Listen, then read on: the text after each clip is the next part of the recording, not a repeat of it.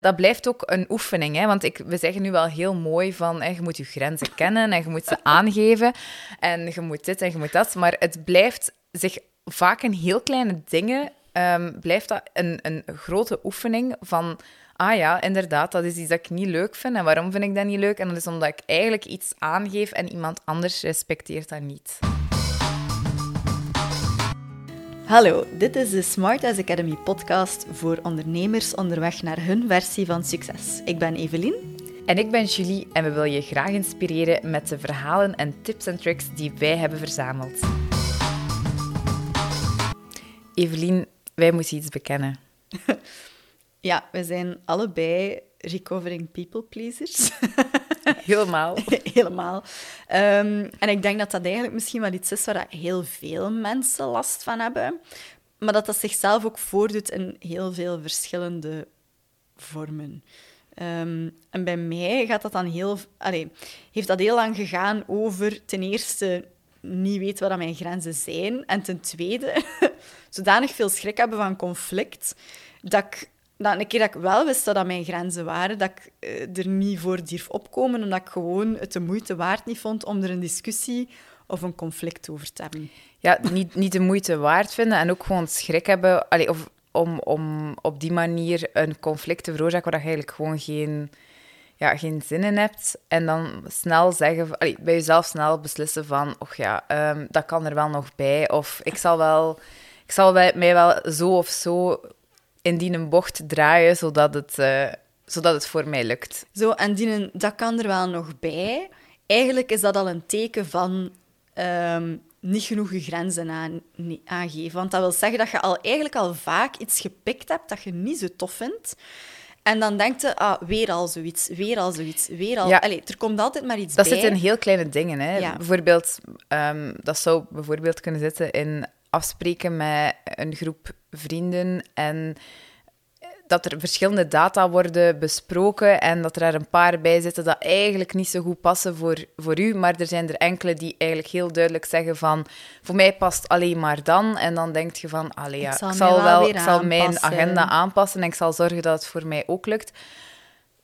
Dat je uiteraard compromissen maakt in vriendenkringen is logisch, maar mhm. als het altijd dezelfde personen zijn die zich in een bocht moeten wringen om het te doen lukken, dan begint dat na een tijdje wel serieus te wringen. En zo het concept, dan begint dat na een tijdje te, te wringen, dat is een teken dat er zo frustraties opbouwen. En dat is vaak ook gewoon dat, er, dat je dingen niet bespreekt, dat je denkt van, ah, ik zal dit wel incasseren, of ik zal mij wel schikken naar de groep. Ja, je kunt eigenlijk, heb je ook gewoon perfecte keuze om te zeggen, ah, dat lukt niet voor mij. Ja, dat is nu iets wat ik veel gemakkelijker ondertussen kan. Hè.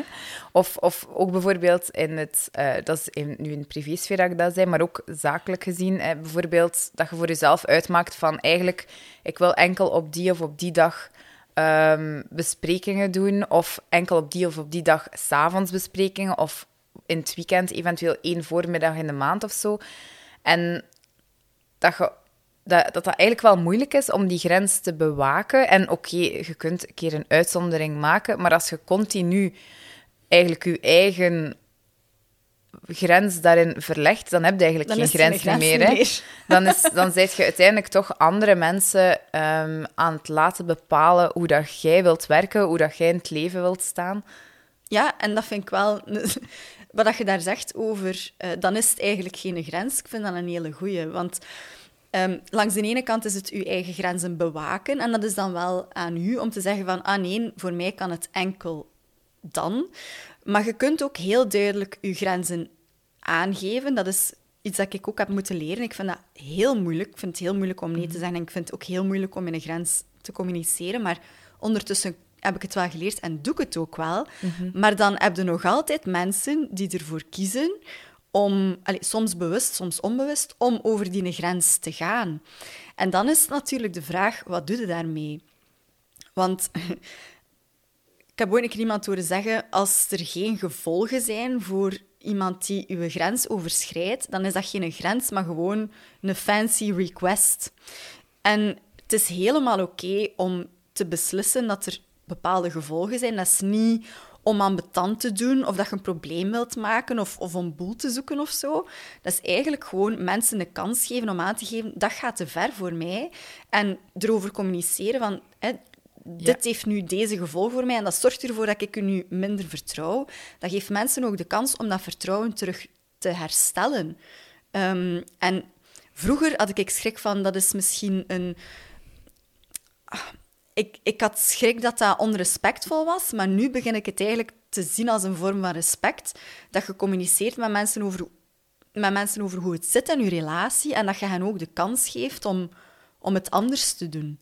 Dat is ook de enige manier om echt jezelf te zijn bij andere mensen. Hè? Als je duidelijk aangeeft waar dat je voor staat, wat dat je mening is over iets.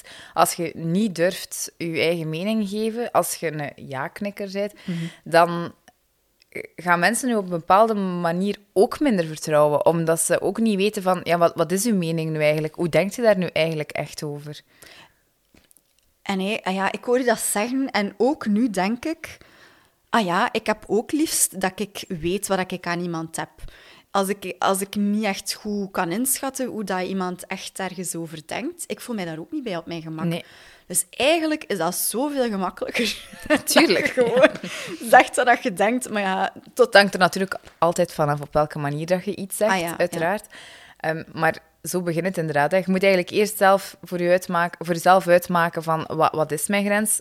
Aanvoelen van wat, wat wil ik of wat verwacht ik nu eigenlijk van mezelf of van iemand anders. Dat duidelijk durven communiceren. En als, als er dan toch geen ja, om het zeggen, geen, gevo allee, geen gehoor naar gegeven wordt, mhm. moet je dat ook durven communiceren zonder schrik voor allee, wat dat er dan eventueel ook uit voort kan komen.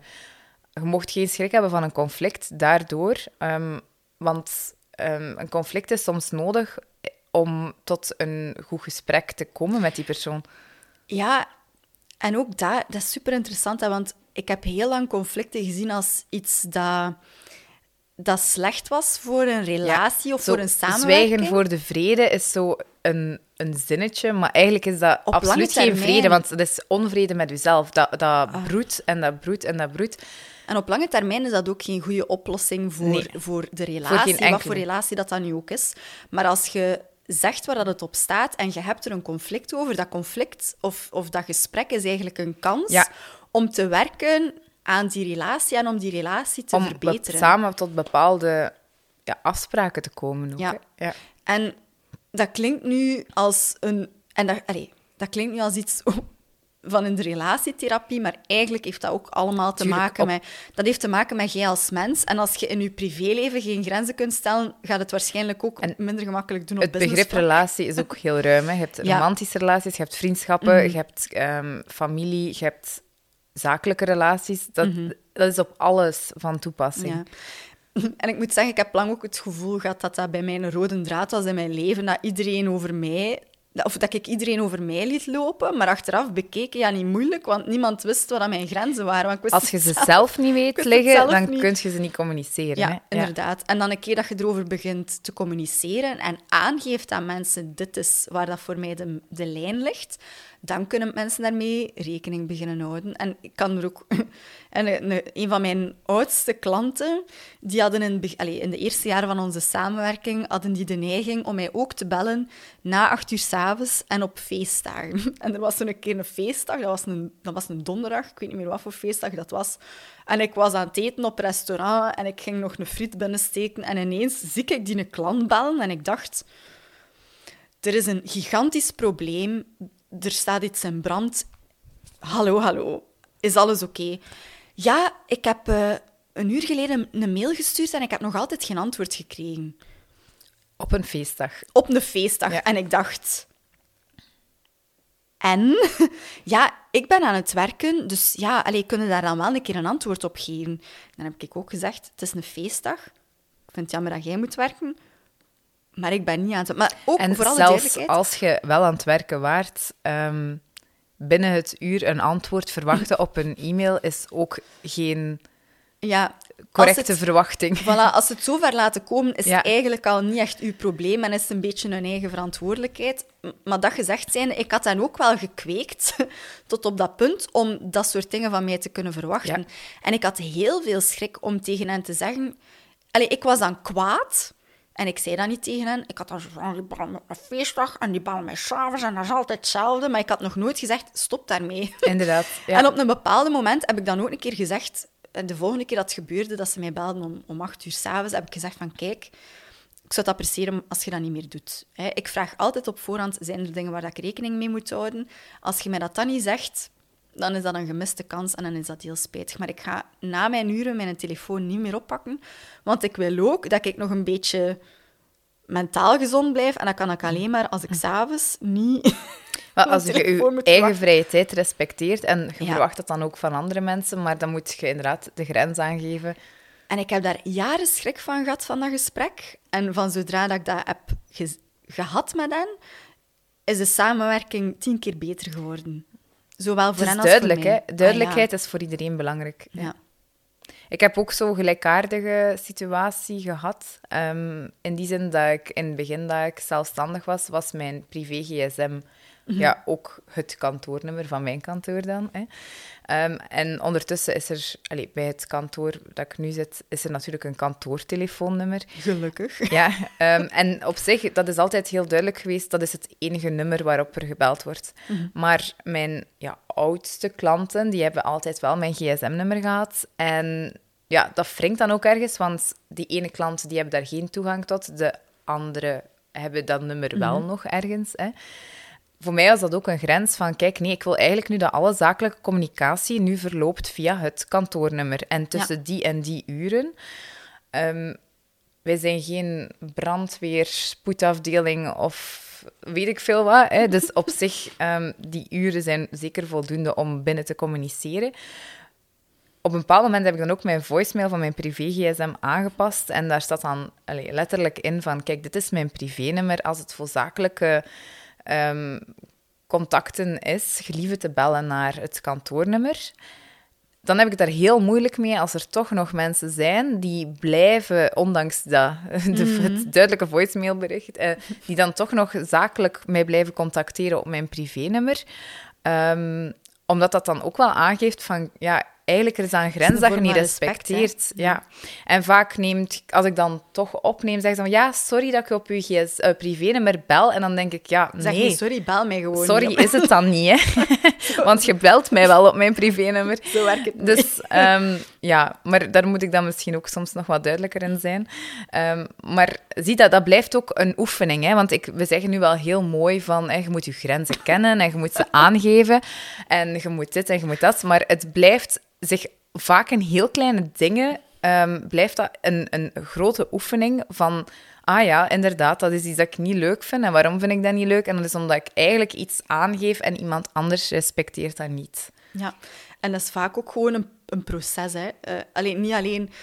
Gelijk op dat je vertelt, vroeger was uw gsm-nummer wel perfect oké. Okay. Ja, het was die mijn enige nummer, dus dat is dan was het normaal. die veranderd ja. is. En ja. ook, ja, mensen vinden het niet altijd gemakkelijk om zich daaraan aan te passen. Hè. En dat ja. is zowel op zakelijk als op privévlak zo. En dat is helemaal oké okay, dat uw grenzen meegroeien met u als mens. Um, maar de, de, de gesprekken die daarbij komen kijken zijn, zijn niet altijd gemakkelijk. Ja. En dan zijn er mensen die, die meegroeien met ja. uw grenzen die, zich, die evolueren. Maar dan zijn er ook mensen waarvan dat dan op een duur misschien moet beslissen... Dit werkt niet meer. Dat klopt. Dat is een van de moeilijkste gesprekken dat je... In, allee, dat ik toch vind, zakelijk gezien, is op bepaalde momenten tot de conclusie komen dat een samenwerking niet werkt. Mhm. Mm -hmm. En dan dat gesprek durven aangaan, dat gaat ook vaak is dat dan inderdaad met mensen die bepaalde grenzen niet respecteren en Mhm. mm -hmm. die, of waar je een beetje vertrouwen in kwijt bent. En dat gesprek aangaan vind ik inderdaad ook heel moeilijk. Dat komt bij mij eigenlijk ook voort uit het ja, een beetje conflictvermijdende Oeh. gedrag. Hè. Ja, daar zit ik uh, op dezelfde ja, trein. Hè. En people pleasing. Dus mm. hè. ik wil graag dat iedereen uh, heel content is van mij en mij heel leuk vindt. En mm. allee, dat alles goed gaat. En ja. vanaf dat daar dan zo wat een wrijving is, dan wil ik dat zo snel mogelijk gladstrijken. Maar conflict is wel heel belangrijk, want als je, ja, als je die conflicten vermijdt, dan blijf je in dezelfde situatie zitten. En ook iedere keer dat je kiest voor zwijgen voor de vrede, dan kies je eigenlijk voor onvrede met jezelf. Want vroeg of laat wreekt zich dat toch. Dat borrelt op, dat groeit. Dat is een, een, een frustratie die blijft groeien, waar je telkens op blijft botsen.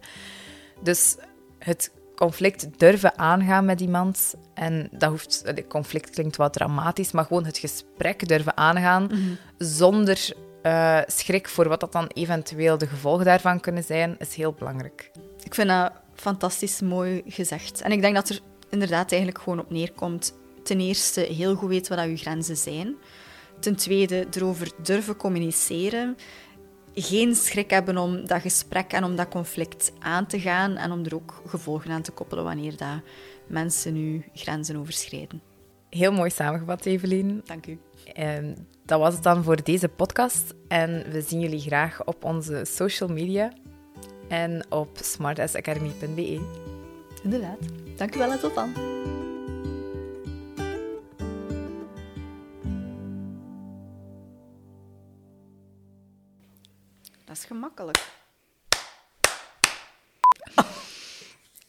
En of ze dat... Dat was wel een... Dat is uw beste klap geweest tot nu toe, denk ik.